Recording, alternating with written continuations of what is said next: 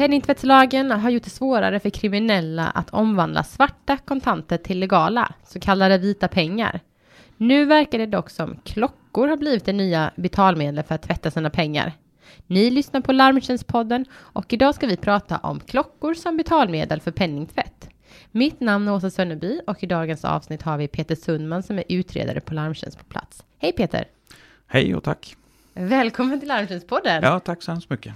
Eh, jag tror att du har varit med någon gång innan i Larmtjänstpodden, men är det så att eh, våra lyssnare inte har hört det så kanske du bara kort kan presentera dig. Mm, eh, jag har jobbat två och ett halvt år på Larmtjänst och innan dess har jag jobbat på försäkringsbolag som utredare. Och innan det så kom jag från polisen då, där jag jobbat 24 år med främst bedrägerier och ja, som vanligt åkt radiobil också. Mm. Eh, idag ska vi prata om eh, klockor som ett nytt betalmedel för att tvätta pengar. Eh, vi kanske bara kan kort börja med att om vi pratar om penningtvättslagen, vad, vad är det egentligen och vad är det för syfte med just den lagen? Eh, ja, syftet med lagen är ju främst då att motverka att man använder kriminella pengar och omvandla det till vita inkomster kan man säga. Så man ska försöka begränsa möjligheten att leva på sin kriminalitet. Eh, och sen är det ju en stor del i det också i terrorfinansiering som man vill komma åt. Mm. Och vad, vad innebär då penningtvättslagen? Vad, vad innebär den i det praktiska? Eh, det innebär att eh, det är ett antal eh, institut, banker eh, med mera som ha, hanterar eh, stora volymer pengar som har en rapporteringsskyldighet. Mm. Eh, där man misstänker penningtvätt. Mm. Eh, så att man ska ja, se flödena kan man säga på pengar som mm. kommer in. Och man, man, ska försvåra möjligheten att eh, sätta in stora summor pengar som kommer från kriminell verksamhet i det öppna offentliga systemen kan man säga. Men om man nu vill tvätta sina pengar, var, varför? Vad är syftet egentligen med att man ska tvätta sina pengar?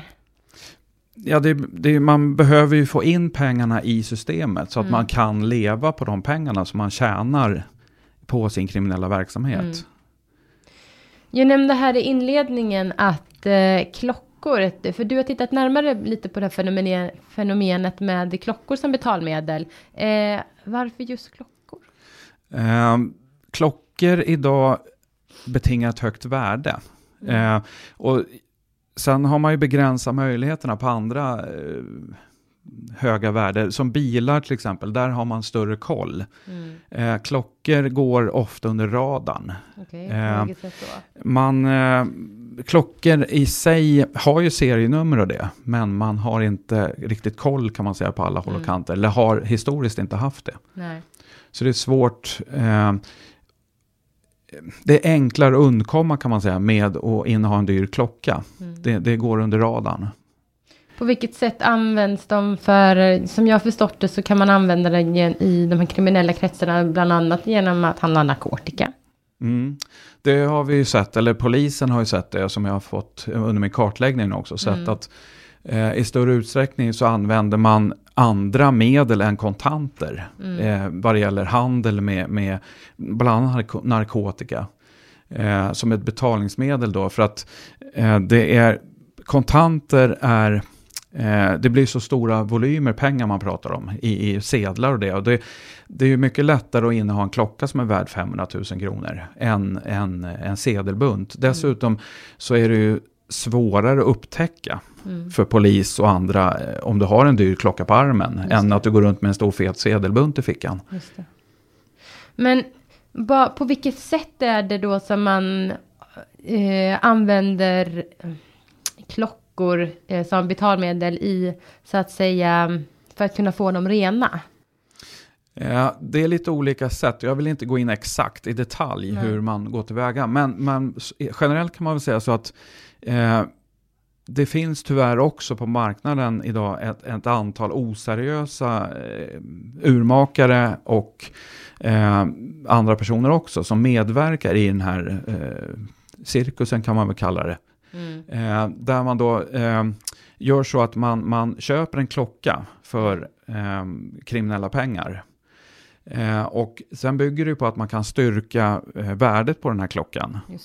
Eh, sen kan man göra det så kan man ju då köpa narkotika eller andra tjänster eller varor för den här pengen som man, eller klockan då som man omvandlar till pengar kan man säga. Mm. Ehm, Så att i princip kan man ju köpa då ett parti narkotika för en miljon kronor om du har tre klockor som är värda 333 000 kronor styck då. Mm. Eh, bara du kan styrka värdet gentemot varandra så Mm. får du betalt i klockor då istället för pengar för Mm. den här narkotikan du köper. Ehm, dessutom så blir ju en effekt av det här att man kan eh, anmäla den här klockan till försäkringsbolaget. Och det är där vi kommer in då. Eh, eh, och det har vi ju sett exempel på tyvärr också. Att man använder det här om, som vi i försäkringsbranschen då kallar för styrkt innehav också. Att Mm. du styrker din innehav genom ett kvitto eh, eh, eller på annat sätt. Eh, fotografier ofta eh, också att du har haft den här klockan på armen. Mm. Eh, och då kan du få ut försäkringsersättning för den här klockan också. Men är det främst då om vi säger när man försöker omvandla de här eh, svarta då pengarna eh, i form av klockor. Är det främst försäkringsbranschen som blir drabbade där eh, när man försöker tvätta pengarna eller finns det andra eh, myndigheter eller andra som påverkas av detta? Ja, jag skulle vilja säga en bransch som tror jag drabbas ganska hårt av det också. Det är ju pantbanksvärlden. Mm. Eh, därför att du kan ju gå in och belåna en klocka som är köpt, låt säga för eh, narkotikapengar. Eh, och kan då, eller att den på annat sätt är anmäld stulen till exempel i ett annat land. Mm. eh, och eftersökt av andra polismyndigheter ute i världen eller i Sverige också. Så kommer den här pantbanken att drabbas ekonomiskt av det här också. För de har köpt in klockan och sen så har de en stulen klocka helt enkelt i sin, sin verksamhet. Ja, eller att det bara uppdagas att den här är köpt för pengar som är kriminella. Ja, Och då har pantbankerna enligt penningtvättslagstiftningen en skyldighet att rapportera det här. det. Och då kommer den här klockan eh, att tas i beslag av polisen. För att säkra de tillgångarna. Eh, och det drabbar ju då pantbanken ekonomiskt Mm. också. För det är de som står risken då. Mm. Hur kommer det sig att du började titta på detta? Eh, det började egentligen med att jag föreläste på, eh, för Sveriges handelskammare. Ja. Och eh, blev uppmärksammad på det här. Och sen har jag dragit vidare och lyssnat med poliser. Och jag har även eh, lyssnat runt hos våra uppdragsgivare, det vill säga försäkringsbolagen, hur det här ser ut. Och den sammanlagda bilden som jag får från alla håll och kanter är att det här har ökat senaste åren eh, med handel med klockor eh, i kriminellt syfte då. Eh, och Finns det någon anledning till att det har börjat öka nu eller? Ja, en gissning och jag tror en ganska stark eh, gissning är att man, man har strypt åt eh, hanteringen på pengar på, Mm. och konton eh, runt omkring. Och då letar man ju andra finansieringsmodeller och andra typer av eh, fasta tillgångar. Och i och med klockor idag betingar ett väldigt högt värde Mm. så, så är den värdebeständig eh, lika väl som pengar eller guld eller någonting. Men Mm. det, det är inte lika bra kontroll på den sidan. Nej. Vad skulle du säga är egentligen de stora problemområdena här med handeln av klockor och hur kan vi kanske, hur, hur, hur kan, vad ska man säga, eh, hur, varför får, kan det här pågå idag? Vad är de stora problemområdena där? Jag skulle vilja säga eh, att det handlar om att det är oregistrerat gods. Mm. Det vill säga det- är för dålig kontroll på serienummer bland annat. Mm. Eh, och där får vi i försäkringsbranschen ta åt oss en stor del av den kritiken också. Mm. Ehm, att man inte registrerar de här serienumren som är unika för varje klocka. Vilket innebär att man undkommer ganska lätt genom att eh, eh, Eh, man kan omvandla de här pengarna eh, till kontanter eller få en utbetalning, låt säga av ett försäkringsbolag på, på en produkt som eh, man inte har riktigt koll på. Nej. Finns det några andra problem? Vi har varit inne och pratat lite i alla fall nämnt det här. Det finns tyvärr vissa oseriösa eh, butiker också? Eller värderare? Ja, det, det är nog mer urmakare. Ah, okej. Och Mm. sen finns det kanske en och annan lite mer oseriös värderingsman också. Mm, mm. Jag skulle vilja, eh, eller det vi, det vi kommer att göra från försäkringsbranschen nu, är ju framförallt larmtjänst då, är att ehm, försöka skapa ett gemensamt eh, synsätt kring det här. Och det handlar väldigt mycket om hantering av man säger, fasta numren, fasta serienummer på de här klockorna. Mm. Kan vi börja samarbeta över gränserna mellan privata aktörer och där tycker jag även polisen får ta ett visst ansvar idag. Att man, man in, skriver inte in serienumren på eh, klockor när man tar sånt i beslag till exempel. Nej. Eller eh, när man anmäler en klocka stulen eller att man har blivit rånad på en klocka. Så Mm. skriver man inte in serienumren i polisanmälan heller. Vilket är en brist. Eh, Varför gör man inte det? Är det att man inte känner till serienumren eller är det svårt att ta fram den informationen? Eh, det är nog en kombination. Ja. Jag skulle vilja säga att eh, många som anmäler sin klocka har Mm. kanske inte koll vid det tillfället på vad man har för serienummer. Eh, eller så är det så att är man ute i, i mer kriminella syften med för att försäkringsbolagen kräver ju att du gör en polisanmälan. Men eh, vet du att någonting är eh, suspekt med den här hanteringen så Mm. kanske du inte vill uppge ditt serienummer på klockan heller. Eh, Så det, det är nog lite olika skäl. Mm. Eh, Men de allra flesta som blir av med klockan tycker jag borde ha koll på sin, sitt serienummer.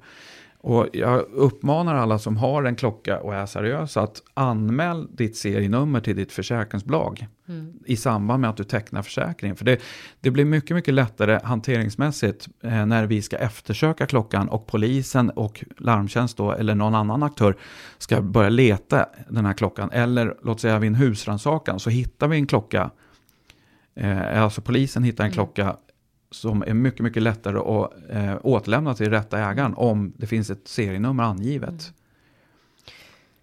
Och sen att själv ha koll på eh, om man säger det är bra att anmäla sen så kanske man ska ha alla sina papper hemma också så att man har koll på certifikat och eh, vilka nummer, nummer man har. Samla det i någon liten pärm eller något liknande. Absolut. Eh, det tycker jag att man ska behandla som en väldigt stor värdehandling också. Mm. Därför att eh, gentemot försäkringsbolaget, om du blir av med den här klockan, så är det en, absolut en värdehandling. För att det Mm. handlar om att styrka ditt innehav, Mm. vilket är ett grundkrav när du har tecknat försäkring på en så dyr produkt. Så det ska man absolut eh, hålla hårt i Mm. och gömma och kanske till och med lägga i bankfacket. Mm.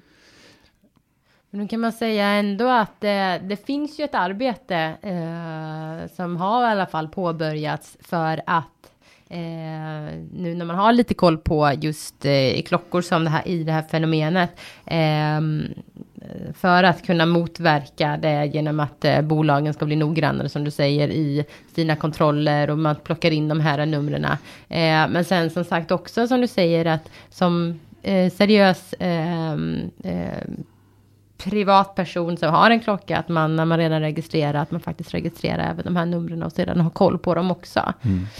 Eh, är det något annat man kan säga om?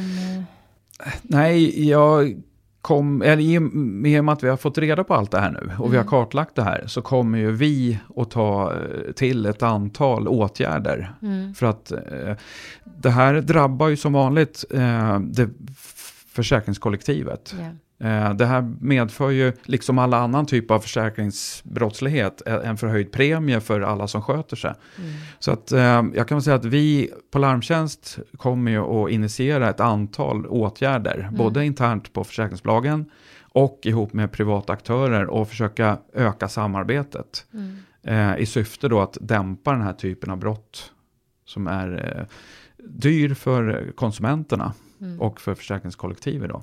mm, Så att vi kommer att eh, ja, vidta ett antal eh, åtgärder mm, kan man säga för att eh, få bukt med det här. mm. Och göra det svårare för eh, kriminella att helt enkelt handla med, med omvandla svarta pengar till eh, eh, vita legala.